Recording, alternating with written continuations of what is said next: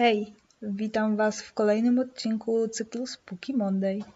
Zapraszam Was na kolejną straszną opowieść, którą dla Was przygotowałam. Zatem kubki w dłoń, usiądźcie wygodnie. Zaczynamy.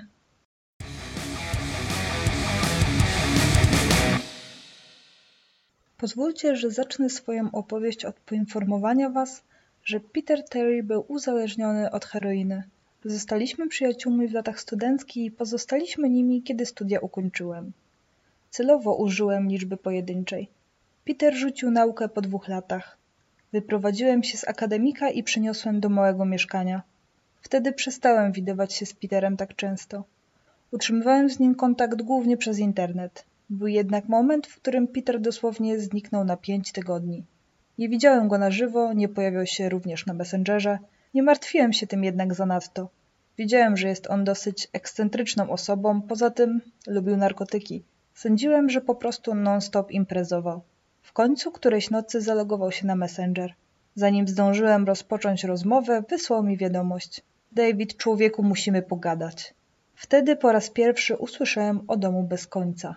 Z opowieści Petera wynikało, że było to coś w rodzaju zamku strachu, jednego z wielu, które tak często można spotkać w wesołych miasteczkach. W domu bez końca organizowany był pewien konkurs. 500 dolarów czekało na tego, kto przejdzie przez wszystkie dziewięć pokoi i wydostanie się z tego rzekomo nawiedzonego budynku. Jednak głosiła legenda, nikt nie dotarł do drzwi wyjściowych. Stąd też wzięła się nazwa tego miejsca. Dom znajdował się na obrzeżach miasta, około czterech mil od mojego mieszkania. Peter powiedział mi, że próbował wygrać te pieniądze, ale nie podołał wyzwaniu. Był uzależniony od heroiny, więc stwierdziłem, że pewnie wszedł tam będąc na haju i wystraszył się papierowego ducha czy czegoś również śmiesznego. Twierdził, że ten dom potrafi złamać każdego zarówno psychicznie, jak i fizycznie. Mówił, że jest w nim coś dziwnego, nienaturalnego. Nie wierzyłem mu. Nie miałem podstaw, żeby mu wierzyć. Poinformowałem go, że pójdę tam następnej nocy. Przekonywał mnie i prosił, żebym tego nie robił, ja jednak uparcie obstawiałem przy swoim. Cholera, to było pięćset dolarów, które mogłem zdobyć minimalnym nakładem sił. Nie mogłem przegapić takiej okazji. Kiedy stanąłem przed fasadą budynku, poczułem się dziwnie. Czytaliście albo oglądaliście kiedyś coś, co nie powinno być straszne, ale pomimo to przyprawiało was o ciarki na plecach? Miałem w tym momencie dokładnie to uczucie. Kiedy wchodziłem po schodach prowadzących na ganek, dziwne poczucie strachu tylko się nasilało. Nabrało szczególnej intensywności, kiedy nacisnąłem klamkę frontowych drzwi. Serce przestało mi walić, a ja sam odetchnąłem, kiedy moim oczom ukazało się całkiem normalne pomieszczenie, wyglądające jak recepcja hotelu udekorowanego na Halloween. Na środku pomieszczenia stał drogowskaz. Pierwszy pokój w tę stronę, po nim jeszcze osiem. Dojdź do końca, a zwyciężysz. Zachichotałem i poszedłem w wyznaczonym przez znak kierunku. Pokój, do którego wkroczyłem, był wręcz śmieszny. Wypełniały go papierowe duchy, czaszki z gipsu oraz figury zombie, które wydawały głośny ryk, kiedy się obok nich przechodziło. Na przeciwległej ścianie znajdowały się drzwi. Niewiele się zastanawiając, ruszyłem w ich kierunku, przedzierając się przez sztuczne pajęczyny. Gdy tylko otworzyłem drzwi do drugiego pokoju, zostałem otoczony przez mgłę. Od razu zauważyłem, że wyposażenie w tym pomieszczeniu stało na wyższym poziomie zaawansowania technicznego niż w poprzednim.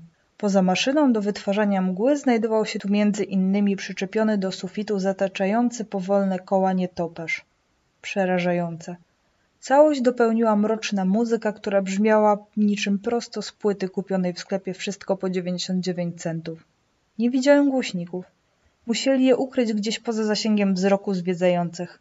Ominąłem kilka mechanicznych szczurów jeżdżących po podłodze i stanąłem przed drzwiami, do których przybita była metalowa cyfra 3. Wyciągnąłem rękę, żeby nacisnąć klamkę, lecz zamarłem w bezruchu.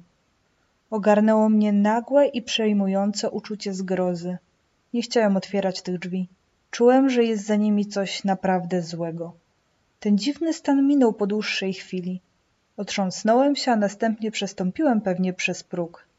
Pokój numer trzy był tym, w którym wszystko zaczęło się zmieniać. Z pozoru nie wyróżniał się niczym szczególnym. Na środku na drewnianych panelach podłogowych stało krzesło. Pomieszczenie było oświetlane jedynie przez słabe światło lampy stojącej w rogu. Poza tym było zupełnie pusto, nie licząc cieni. Zgadza się, celowo użyłem liczby mnogiej. Poza cieniem moim i krzesła były tu też inne. Ledwo przeszedłem przez próg, a już byłem autentycznie przerażony. To był ten moment, w którym zorientowałem się, że coś tu jest nie w porządku. W przepływie paniki odwróciłem się i spróbowałem otworzyć drzwi, którymi tu wszedłem. Były zamknięte od drugiej strony. Niemożliwe, żeby ktoś tu zamykał drzwi za mną w miarę mojego postępu. Usłyszałbym go bez wątpienia. Może był to zamek mechaniczny, który uruchamiał się automatycznie? Całkiem prawdopodobne.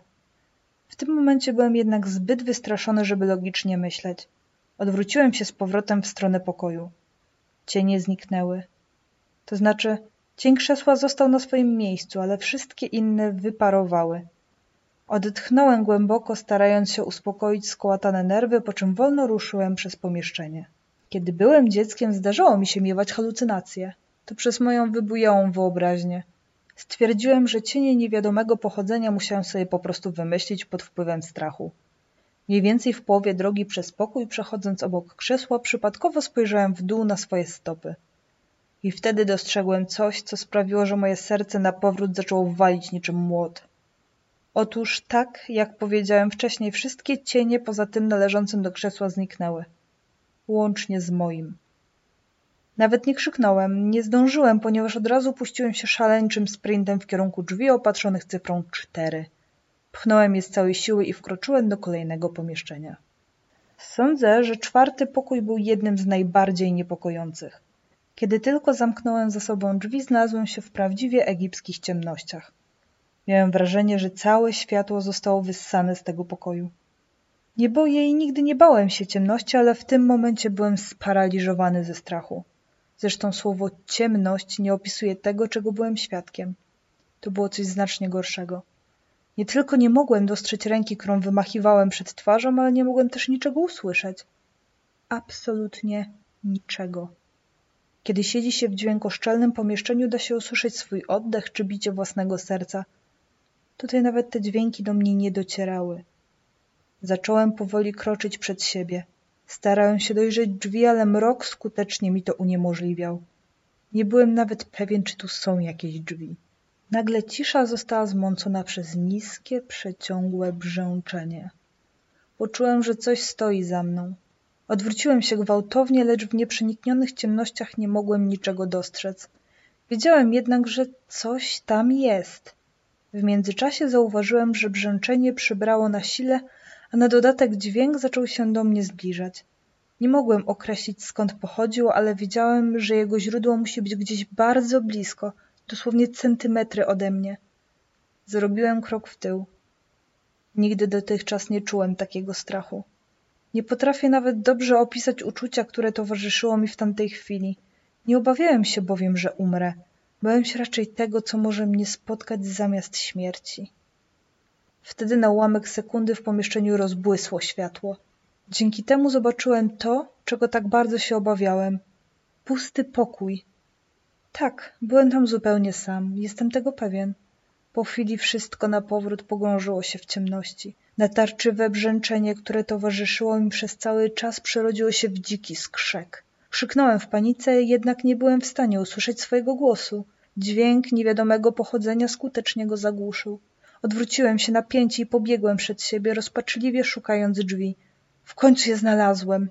Naparłem na nie całym ciałem, po czym wpadłem do pokoju numer pięć.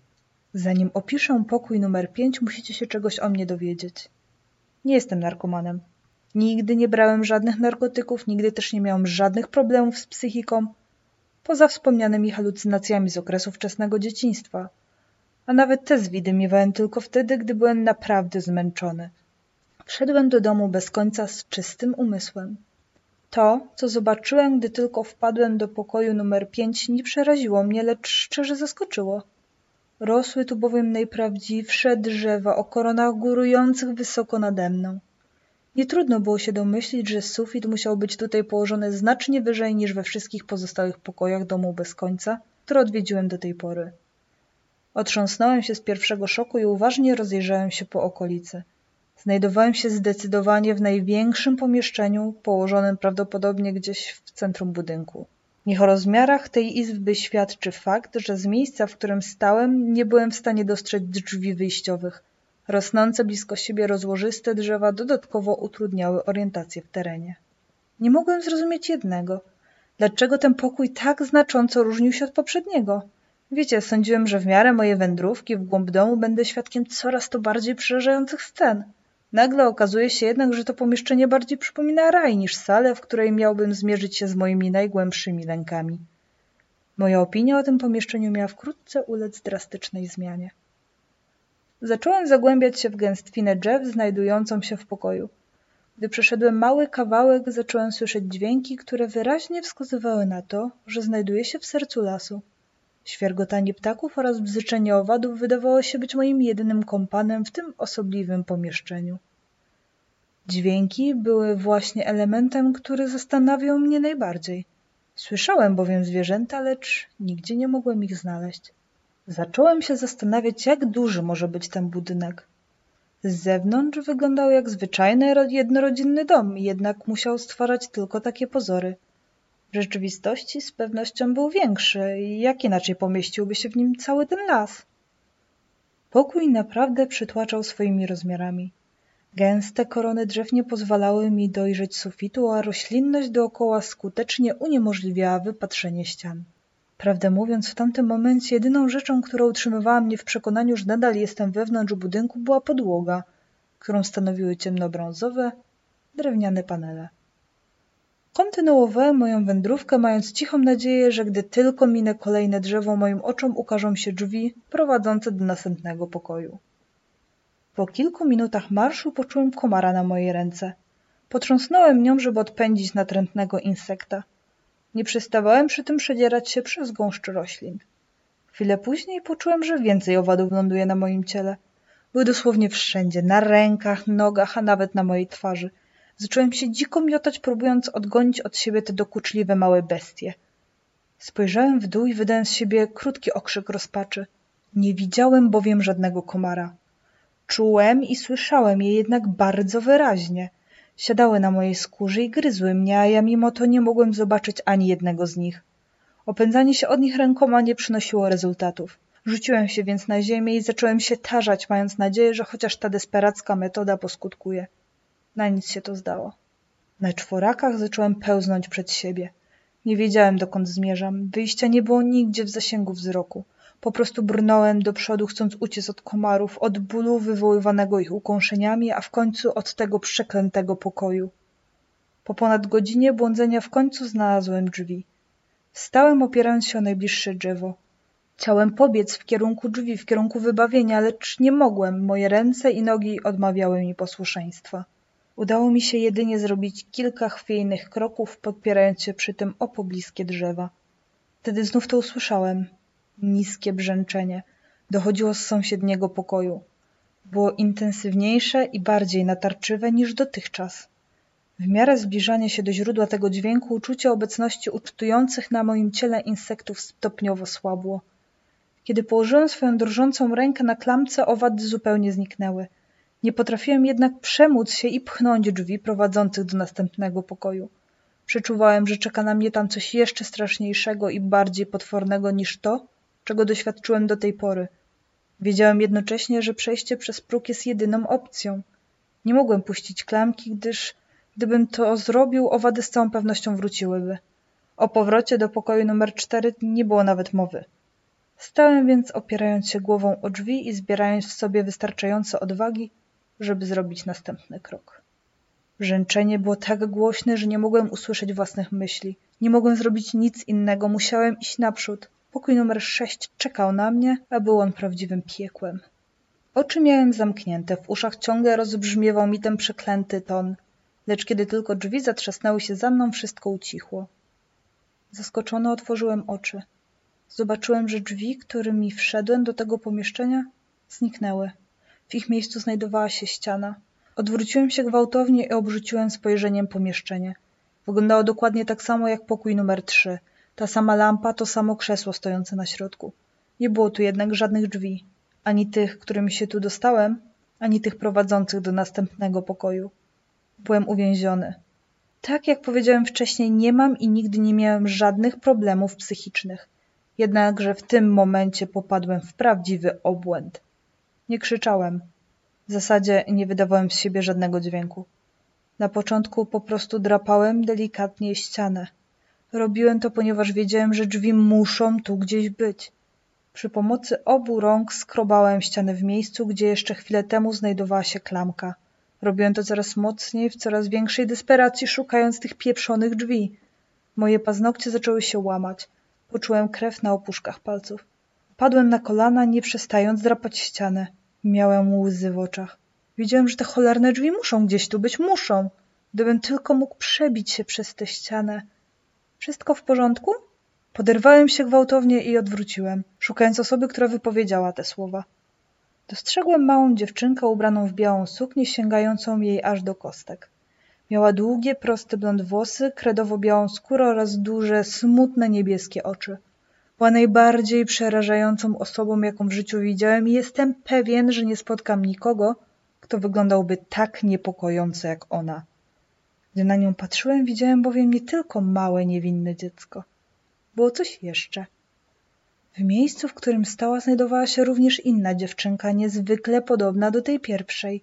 Miała na sobie brudną, znoszoną sukienkę barwy sadzy, jej włosy były w kompletnym nieładzie, a oczy wyrażały lęk połączony ze szczerą nienawiścią. Naprawdę trudno mi opisać to, co widziałem. Obie postacie stały w tym samym miejscu, wzajemnie przez siebie przenikając. Miałem wrażenie, że znajdują się w dwóch odrębnych wymiarach, a w jakiś dziwny, niewytłumaczalny sposób ja byłem w stanie widzieć je obie jednocześnie. Za nie mówiłem.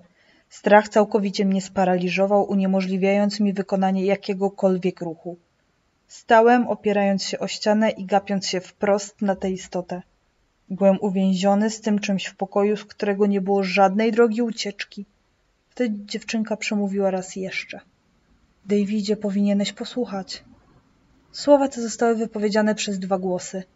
Jeden był delikatny i wysoki, wydobywał się z gardła schludnie ubranej dziewczynki. Drugiego głosu nie usłyszałem, nie w zwykłym tego słowa znaczeniu.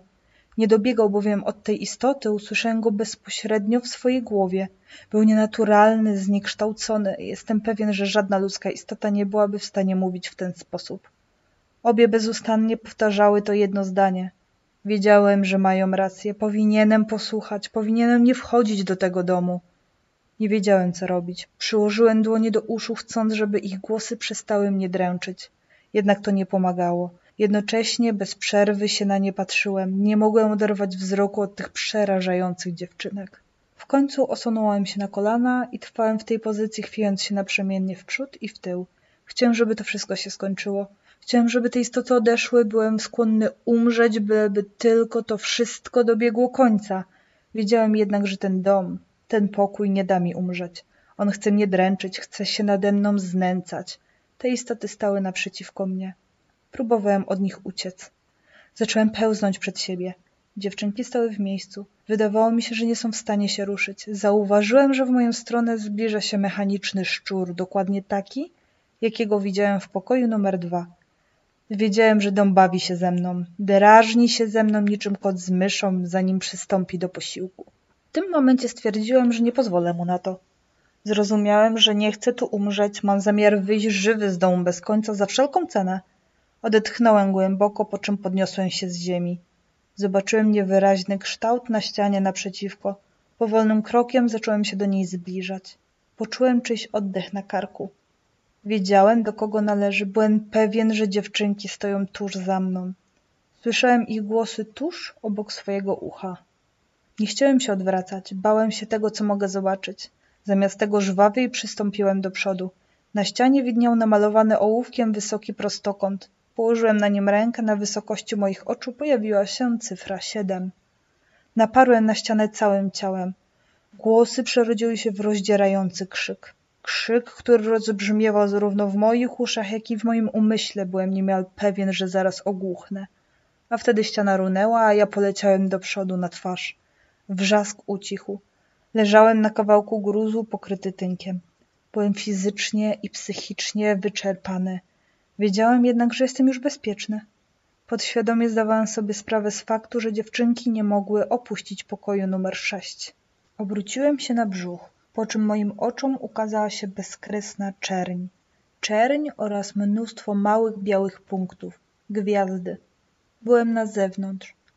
Zacząłem płakać. Nie mogłem uwierzyć, że udało mi się wydostać z tego piekła. Byłem pewny, że przejdzie mi spędzić swoje ostatnie chwile w tym przeklętym domu, a jednak moja wola życia była silniejsza. Udało mi się. Byłem tak szczęśliwy, że zapomniałem nawet o obiecanej nagrodzie. Dłuższą chwilę zajęło mi ochłonięcie i zebranie myśli. Nie chciałem niczego więcej poza powrotem do domu. Podniosłem się, otrzepałem z tynku, po czym ruszyłem chwiejnym krokiem w stronę ulicy. Mój samochód stał wciąż w tym samym miejscu. Zresztą czemu miałoby go tam nie być? Nikt go przecież by nie ukradł w tak spokojnej okolicy. Usiadłem za kierownicą, uruchomiłem silnik. Ruszyłem w drogę powrotną do domu. W miarę zbliżania się do celu mojej podróży zacząłem czuć się nieswojo. Radość z opuszczenia domu bez końca wyparowała ze mnie, a na jej miejsce wstąpił strach. Nie mogąc pozbyć się natarczywego i intensywnego uczucia, zaparkowałem przed domem, wysiadłem z auta i ruszyłem w stronę drzwi wejściowych. Wszedłem do mieszkania. W progu przywitał mnie mój kot Baskerville. Był pierwszą żywą istotą, którą zobaczyłem po opuszczeniu tego piekła. Wyciągnąłem rękę, chcąc go pogłaskać, ale ten zamiast przymilać się do mnie, wrogo zasyczał, po czym uciekł w głąb mieszkania. Trochę mnie to zaskoczyło, ale szybko doszedłem do wniosku, że kotom w końcu zdarza się mieć humory. Prawdopodobnie wyczuł ode mnie coś, co mu się nie spodobało i dlatego zareagował w ten sposób. Nie byłem głodny ani spragniony, chociaż wydawało mi się, że spędziłem w domu bez końca długie godziny. Zamiast tego stwierdziłem, że muszę natychmiast wziąć prysznic. W drodze do łazienki zdecydowałem się zajrzeć do pokoju rodziców. Słyszałem włączony telewizor, byłem więc pewny, że jeszcze nie śpią. Przyszedłem do ich sypialni z uśmiechem na twarzy, szczęśliwy, że w końcu będę mógł porozmawiać z normalnymi ludźmi. Oboje siedzieli wyprostowani na kanapie. Swoje odcięte głowy trzymali na kolanach. Ich oczy były zwrócone na telewizor. Był wyłączony. Zwymiotowałem. Zatrzasnąłem gwałtownie drzwi. Moich uszu ponownie dobiegły dźwięki z telewizora. Miałem tego dość. Odwróciłem się, chcąc jak najszybciej wyjść z domu. Na drzwiach, przed którymi stanąłem, widniała cyfra osiem. Nadal byłem w domu bez końca. Zaszlochałem głośno, nie wiedząc co robić. Nie wiedziałem, czy ten cholerny dom faktycznie zabił moich rodziców, czy może po prostu kolejna sztuczka. Bałem się zrobić jakikolwiek ruch. Usłyszałem, że drzwi od pokoju moich rodziców otwierają się. Zdecydowałem, że nie chcę zobaczyć, co z nich wyjdzie. Postanowiłem iść naprzód. Może kiedyś to szaleństwo dobiegnie końca? Z tą myślą wkroczyłem do ósmego pokoju. Byłem praktycznie martwy. Wiedziałem, że mój umysł jest na tyle spaczony, że nigdy już nie powrócę do normalności, nawet jeśli w końcu uda mi się stąd wydostać. Byłem jednocześnie przekonany, że po tym, co ten popierdolony budynek ze mną zrobił, nic gorszego nie może mnie już spotkać. Jak ja mogłem w to wierzyć? Oczywiście, że mogło mnie spotkać coś gorszego i spotkało. Pomieszczenie, do którego wszedłem, było idealną kopią pokojów numer 4 i 6. Ponownie na środku stało krzesło. Tym razem jednak siedział na nim mężczyzna. Po kilku sekundach niedowierzania mój umysł w końcu zaakceptował fakt, że osobą siedzącą na krześle byłem ja. Nie ktoś, kto był do mnie podobny, tylko ja sam, David Williams, we własnej osobie. Podszedłem bliżej. Musiałem przyjrzeć się mu dokładniej, nawet jeśli byłem stuprocentowo pewien, że moje oczy mnie nie mylą. David siedzący na krześle spojrzał na mnie. W kącikach jego oczu lśniły łzy. Proszę, błagam, nie rób tego, nie krzywdź mnie. Co? zapytałem zdezorientowany. Nie mam zamiaru ci nic zrobić. Kłamiesz, zaczął szlochać. Skrzywdzisz mnie, a ja tego nie chcę. Podkulił nogi, po czym zaczął się chwiać naprzemiennie w przód i w tył. O czym ty mówisz? zapytałem. Skrzywdzisz mnie, skrzywdzisz mnie, jeśli chcesz wyjść. Skrzywdzisz mnie. Powtarzał, pociągając przy tym nosem. Dlaczego tak sądzisz? Proszę, uspokój się, uspokój się i wyjaśnij mi, co tu się dzieje. Poprosiłem. Pochyliłem się nad nim, co pozwoliło mi dostrzec ten jeden kluczowy szczegół. David siedzący na krześle wyglądał jak ja, nosił identyczne ubranie, ale na jego koszulce w okolicach serca widniała jednak mała czerwona cyfra dziewięć. Skrzywdzisz mnie, skrzywdzisz mnie, skrzywdzisz mnie, proszę nie rób tego, nie krzywdź mnie. Słowo wypowiadał niezwykle szybko. Gdy tylko zobaczyłem ten mały znaczek na koszulce mojego sobowtóra, wiedziałem, co dom chce mi przekazać. Davidzie? Zapytałem łagodnie. Tak, skrzywdzisz mnie, zrobisz to na pewno. Położył szczególny nacisk na ostatnie zdanie. Stwierdziłem, że w tym stanie nie ma szans, żeby udało mi się z nim dogadać. Postanowiłem nieco się rozejrzeć. Tak jak to miało miejsce w przypadku pokoju szóstego i tym razem drzwi, którymi wszedłem, zniknęły. Z jakiegoś powodu wiedziałem, że szukanie konturów na ścianie również nie przyniesie żadnego skutku. Zacząłem szukać jakiegokolwiek śladu na podłodze. W końcu zajrzałem pod krzesło. Do spodu siedzenia przyczepiono nóż oraz małą karteczkę. Dla Davida od zarządu domu bez końca. Wzdrygnąłem się. Nie trudno było się domyślić, czego chciał ode mnie ten budynek. Miałem zabić samego siebie. Podniosłem oczy do góry i spojrzałem prosto w przerażoną twarz mojego sobowtóra, który w końcu przestał się kołysać jak szaleniec. Nigdy wcześniej nie zabiłem człowieka. Na samą myśl o tym, co zamierzałem zrobić, robiło mi się niedobrze. Nie chciałem użyć noża, ale byłem świadom, że to jedyne wyjście z tej sytuacji. David na krześle też zdawał sobie z tego sprawę. Zupełnie nieświadomie zacząłem myśleć o Peterze. Zastanawiałem się, czy on też dotarł tak daleko i czy spotkał identycznego Petera Terry siedzącego na krześle. Zastanawiałem się, co on zrobił. Szybko otrząsnąłem się z tych myśli. Nieważne było, czy zabił swojego brata bliźniaka, czy nie. Ja wiedziałem, że muszę zrobić użytek z tego noża, jeśli chcę się stąd wydostać. Chwyciłem ostre narzędzie. Davidzie, spokojnym tonem zaczął mój sobowtór. Co zamierzasz zrobić? Podniosłem się z ziemi, trzymając drżącą ręką nóż. Zamierzam stąd wyjść. David wciąż siedział na krześle, jego zachowanie jednak uległo zmianie. Był teraz bardzo spokojny. Patrzył na mnie, a na jego twarzy zamajaczył lekki uśmiech. Nie wiedziałem, czy zacznie się śmiać, czy też rzuci się na mnie. Powoli wstał. To było niesamowite. Był tego samego wzrostu, nawet patrzył się na mnie w identyczny sposób, jak ja na niego. Mocniej ścisnąłem nóż. Teraz cię skrzywdzę, powiedział łagodnie. Skrzywdzę cię i będę cię tu przetrzymywał. Nie odpowiedziałem mu. Skoczyłem na niego, przewracając go na ziemię. Przygwoździłem go do podłogi, uniosłem rękę, gotowy zadać cios. Popatrzył wprost na mnie, był przerażony, zupełnie tak jak ja. Czułem się, jak gdybym patrzył w lustro. Opuściłem gwałtownie rękę, stalowe ostrze przebiło jego pierś. Ponownie zostałem otoczony przez nieprzenikniony mrok. Ciemność była jeszcze głębsza niż w pokoju numer cztery. Wydawało mi się, że jestem zawieszony w powietrzu. Nie mogłem się ruszać, stan ten trwał przez wiele godzin, a może nawet dni. W czasie tym przychodziło mi do głowy wiele myśli. Rozmyślałem o moich rodzicach, o Peterze, a przede wszystkim o domu. Udało mi się, byłem w pokoju numer dziewięć. Dom bez końca miał jednak koniec, a ja do niego dotarłem. No jednak co dalej? Ostatecznie się poddałem. Nie miałem już siły dłużej walczyć. Wiedziałem, że jestem tu uwięziony na zawsze, a moim jedynym towarzystwem będzie ciemność. Nie miałem szans na wydostanie się z tego pokoju. Nie mogłem poruszyć żadną kończyną, nie mogłem wydać żadnego dźwięku. Nie słyszałem swojego oddechu. Próbowałem wyczuć jakikolwiek smak w ustach, nie poczułem jednak nic, byłem stracony. Pokój numer dziewięć był piekłem, w którym przyjdzie mi spędzić wieczność. Wtedy to się stało. Dostrzegłem światło, jedno z tych stereotypowych światełek na końcu tunelu. Poczułem, że odzyskuję władzę nad ciałem. Pod moimi nogami pojawił się stały grunt. Nie pozostało mi nic innego poza kroczeniem w stronę światła. Otoczenie wokół mnie gwałtownie się zmieniło. Stałem teraz w holu domu bez końca. Wszystko było identyczne. Pomieszczenie wyglądało niczym udekorowane na Halloween. Wiedziałem, że coś musi być nie tak. Coś musi się różnić. Miałem rację. Na stole na środku pokoju leżała koperta. Znalazłem w niej pięć stodolarowych banknotów i kolejną małą kartkę. David Williams, gratulujemy, udało ci się znaleźć wyjście z domu bez końca. Proszę, weź te pieniądze jako nagrodę za twój niezwykły wyczyn. Pozdrawiamy, zarząd domu bez końca.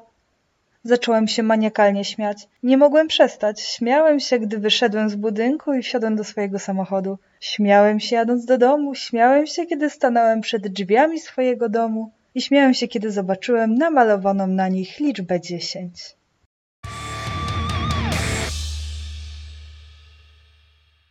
Było to opowiadanie Dom bez końca ze strony creepypastafandom.com. Link znajdziecie pod nagraniem. Oczywiście zapraszam do wszelkich interakcji na social mediach, lajkowania, subskrypcji, no i do usłyszenia w niedzielę. Trzymajcie się ciepło. Pozdrawiam. Pa.